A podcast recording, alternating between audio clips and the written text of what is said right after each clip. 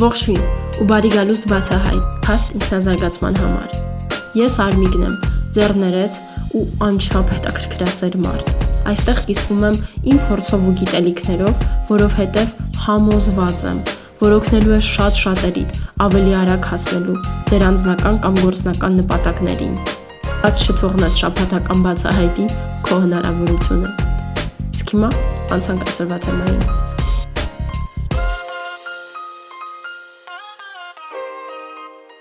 Մեր առօրյան լիքն է որոշումներով, որոնք չենք էլ զգում թե ինչպես են կայացնում, դրանք առանձնապես շատ ժամանակ ու ջանքեր մեզանից չեն պահանջում, ու մեր կյանքի վրա առանձնապես ազդեցություն չի էլ ունենա, թե այսօր օրինակ ոնց գնամ դասի կամ աշխատանքի, բայց վաղ թե ուշ բոլորս էլ ունենում ենք որոշումներ, որոնք ավելի բարդ են, որոնք ավելի կարևոր են ու իրականում կարող են ազդել մեր ապագայի վրա, Որոշ դեպքերում մենք ունենում ենք նաև անհանգստություններ, լինում են որոշումներ, որտեղ իրականում շատ դժվար է ընտրել տարբերակների միջև։ Ու այս որոշումները բազմաթիվ են եւ մեր անձնական կյանքին վերաբերվող եւ աշխատանքին սովորելուն, հա, օրինակ արժի ընդունվեմ համալսարան թե չէ, եթե այո, ինչ սովորեմ, ինչ եմ ուզում կամ գուցե կուրսերի գնամ, կամ հիմա ամուսնանամ, թե սպասեմ, կամ ինչ մարքեթինգային ռազմավարություն կիրառեմ իմ ընկերության համար։ Բազմաթիվ բազմաթիվ որոշումներ, որոնք մեր անձնական կյանքի կամ մեր ձեռնարկած գործի վրա ազդեցությունն են, որոնք կարող են փոխել դրա ընթացքը, ու որտեղ որ մեզ համար իրոք կարևոր է, այսպես ասած, ճիշտ որոշում կայացնելը ու ճիշտ որոշումը մենք ընկալում ենք որպես այն որոշումը, որը որ մեզ կտա այն արդյունքը, որը որ ուզում ենք, որը որ սպասում ենք թե ինչքանով է սա ճիշտ, էպիզոդի վերջում ավելի ինձ թվում է པարս կլինի, ավելի հստակ կլինի։ Իսկ մինչ այդ նաև թե ինչու է իրականում իմ կարծիքով դարձել ավելի բարդ որոշում կայացնելը։ Բացի նրանից, որ կյանքում այո կան որոշումներ, որոնք այսպես թե այնպես բարդ են, չկա սև ու սպիտակ տարբերակ, որ հեշտությամբ մեր ուղեղը կամ մեր զգացմունքները, մեր ինտուիցիան ընտրի, վերջին մի քանի տասնամյակում շատացել են նաև մեր հնարավորությունները։ Մի քանի տասնամյակ առաջ մենք հաստատ չէինք կարող ընտրել թե հեշտությամբ ընտրել ու ունենալ այդ հնարավորությունները, թե աշխարի որ երկրում սովորեմ, որտեղ աշխատեմ, որ ընկերության հետ աշխատեմ, օֆիսից աշխատեմ, թե հեռավար աշխատեմ, կամ նույնիսկ թե ով լինի իմ զուգընկերը, շատ մարդկանց համար դա ուղակի տրված էր։ Իսկ հիմա մենք ունենք հնարավորությունների, որոշումների բազմապիսի տարբերակներ, որը բնականաբար ավելի է խճճում մեր ուղեղը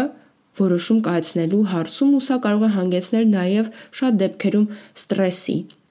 անհանգստության, չկողմնորոշվելու, որոշում չկարանալու կայացնելու այդ զգացողությանը, որը սկսում է մեզ ավելի ծանրացնել ու դրանից ելնելով ավելի դժվար է դառնում որոշում կայացնել։ Ու դրա համար առավել եւս քան երբևէ անհրաժեշտ է ավելի գիտակցաբար կայացնել որոշումներ, ավելի ճիշտ հասկանալ թե ինչպես ենք մենք կայացնում որոշումներ, ինչպես կարող ենք դա դարձնել ավելի օպտիմալ ու ինչ ֆակտորներ են ազդում դրա վրա։ Ես հիշում եմ Գերմանիայի մագիստրատուրայի կարևոր առարկաներից մեկը կոչվում էր որոշումների անալիզ, որտեղ որ մենք խորապես մաթեմատիկորեն ուսումնասիրում էինք, թե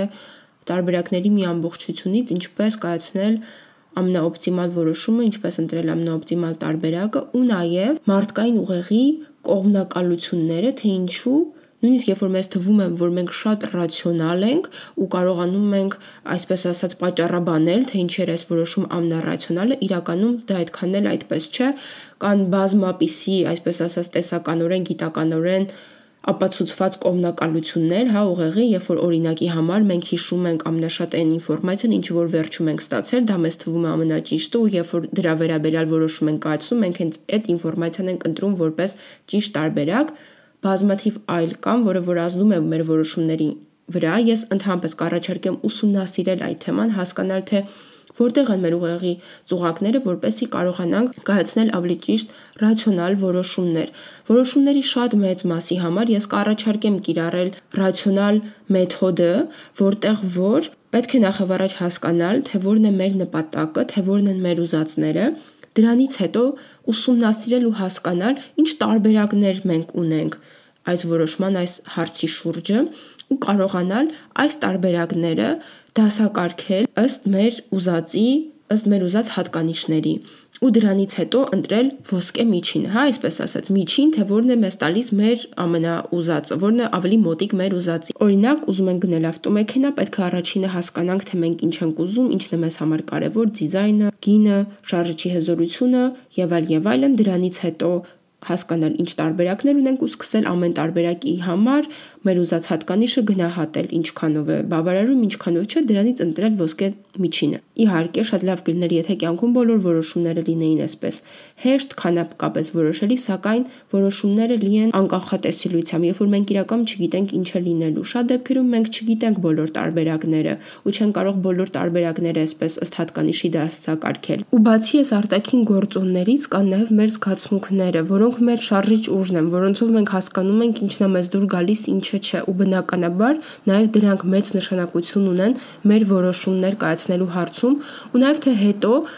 ինչպես ենք որակավորելու այդ որոշումը մեր զգացողությամբ ենք հասկանալու հիմա ես լավ որոշում կայացրեցի թե չէ հիմա ես ինձ ավելի լավ եմ զգում այս որոշման հետևանքով թե չէ բայց սա չի նշանակում որ որոշումներ պետք է կայացնենք միայն զգացմունքներով որովհետև հացի դրանից մենք մարդ ենք ու ունենում ենք կարճաժամկետ շատ բուրըն էմոցիաներ։ Օրինակ, երբ որ ջղայնացած ենք, երբ որ հիասթափված ենք ու ինչի են ասում, տակ գլխով որոշում մի կայացրու, որովհետև շատ ժամանակ մեր կարճաժամկետ զգացողությունները կարող են մեզ սխալ ուղղորդել երկարաժամկետ որոշումներ կայացնելու հարցում։ Դրա համար ավելի կարևոր է դառնում ճիշտ գիտակից ձևով հաշվի առնել մեր զգացմունքները կարևոր որոշումներ կայացնելու համար։ Սրա համար պետք է ամեն որոշում կայացնելուց շատ ուշադիր լինենք, որ որոշում չկայացնենք, երբ որ ջղայնացած ենք, երբ որ հիասթափված ենք, երբ որ վախեցած ենք, երբ որ ստրեսի տակ ենք։ Սրանք նեգատիվ էմոցիաներ են ու այս էմոցիաներից ելնելով որոշումները հաստատ մեզ պոզիտիվ տեղ չեն տանելու։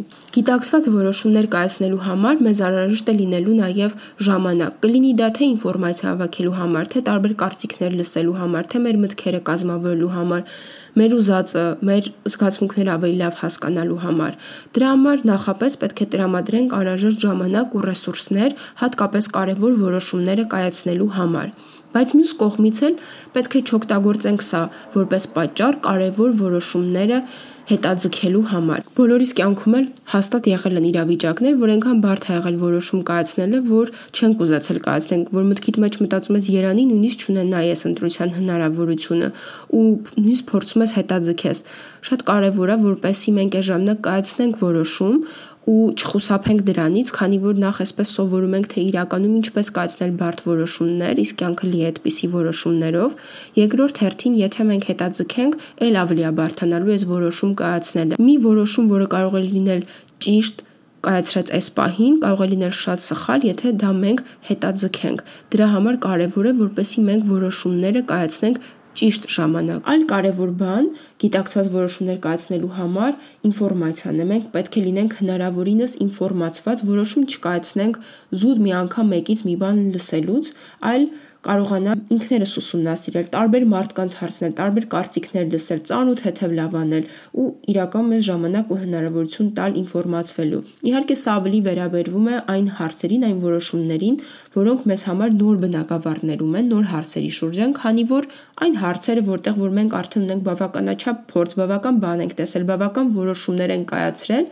արդեն մեր ինտուիցիան մեզ ավելի ճիշտ է հուշում, քանի որ այստեղ կա մեր կուտակորցը։ Ինչպես շատ անում ենք բիզնեսում, նույնիսկ անձնական որոշումներ կայացնելու ժամանակ կարող է նաև կարևոր լինի գրի առնել մեր մտքերը, մեր տարբերակները, մեր ստացած ինֆորմացիան, որպեսզի ավելի պատկերավոր լինի կամ նույնիսկ բարձրաձայն խոսելը դրա մասին կարող է մեզ համար շատ ավելի բաներ པարզ դարձնել։ Ինչ շատ դեպքերում օգնում է որոշումներ կայացնելու ժամանակ, մանավանդ որոշ ռիսկային որոշումներ կայացնելու ժամանակ, Հարցնել թե որն է ամենավատ բանը, որ կարող է պատահի այս որոշումը կայացնելու ժամանակ։ Ու շատ որոշումներ մեր ուղեղում մեզ թվում են անդառնալի, որ եթե արեցինք ու մի վատ բան եղավ, մի սխալ բան եղավ, մեր ուզածը չեղավ, վերջ կործանում եւ այլ եւ այլն, իրականում այդպես չէ։ Շատ որոշումներ նաեւ կարելի է հետո փոխել ու դրա համար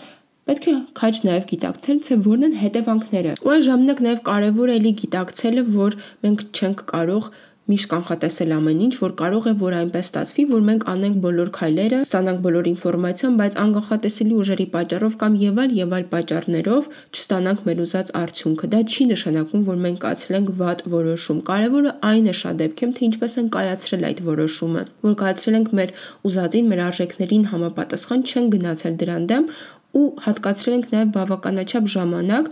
մեր ունեցած ինֆորմացիայով այդ ժամանակ փորձել են կայացնել ամենալավ որոշումը։ Սա շատ ավելի կարևոր է։ Ու ստացվում է, որ որոշում կայացնելը մի հմտություն է, որը որ մենք կարող ենք զարգացնել կյանքի ընթացքում ու որը որ կարող ենք զարգացնել միայն այն կիրառելով, որոշումներ կայացնելով որոշ դեպքերում ճիշտ, որոշ դեպքերում սխալ ու այսպես ավելի հմտանալով էս հարցում։ Դրա համար կարևոր է, որպեսզի մենք հասկանանք ռացիոնալ կողմը որոշումներ կայացնելու, կարողանանք ինքներս պատկերացնել մեր մտքի կողմնակալություններն ու ծուղակները ու ճիշտ հաշվի առնենք մեր զգացմունքները, այո, քանի որ դրանք էլ մեծ նշանակություն ունեն ու որքան հնարավոր է ավելի լավ տիրապետենք որոշումներ կայացնելու այս նուրբ արվեստին։ Ես միշտ փորձում եմ այսպիսի ուղղորդություն նաև տալ ինձ կամ ուրիշներին, երբ որ մտածում ենք մի որոշում կայացնելու մասին։ Ինչպես է մեր սիրտը դրանից լցվում, թեթևությամբ, ողջավորությամբ,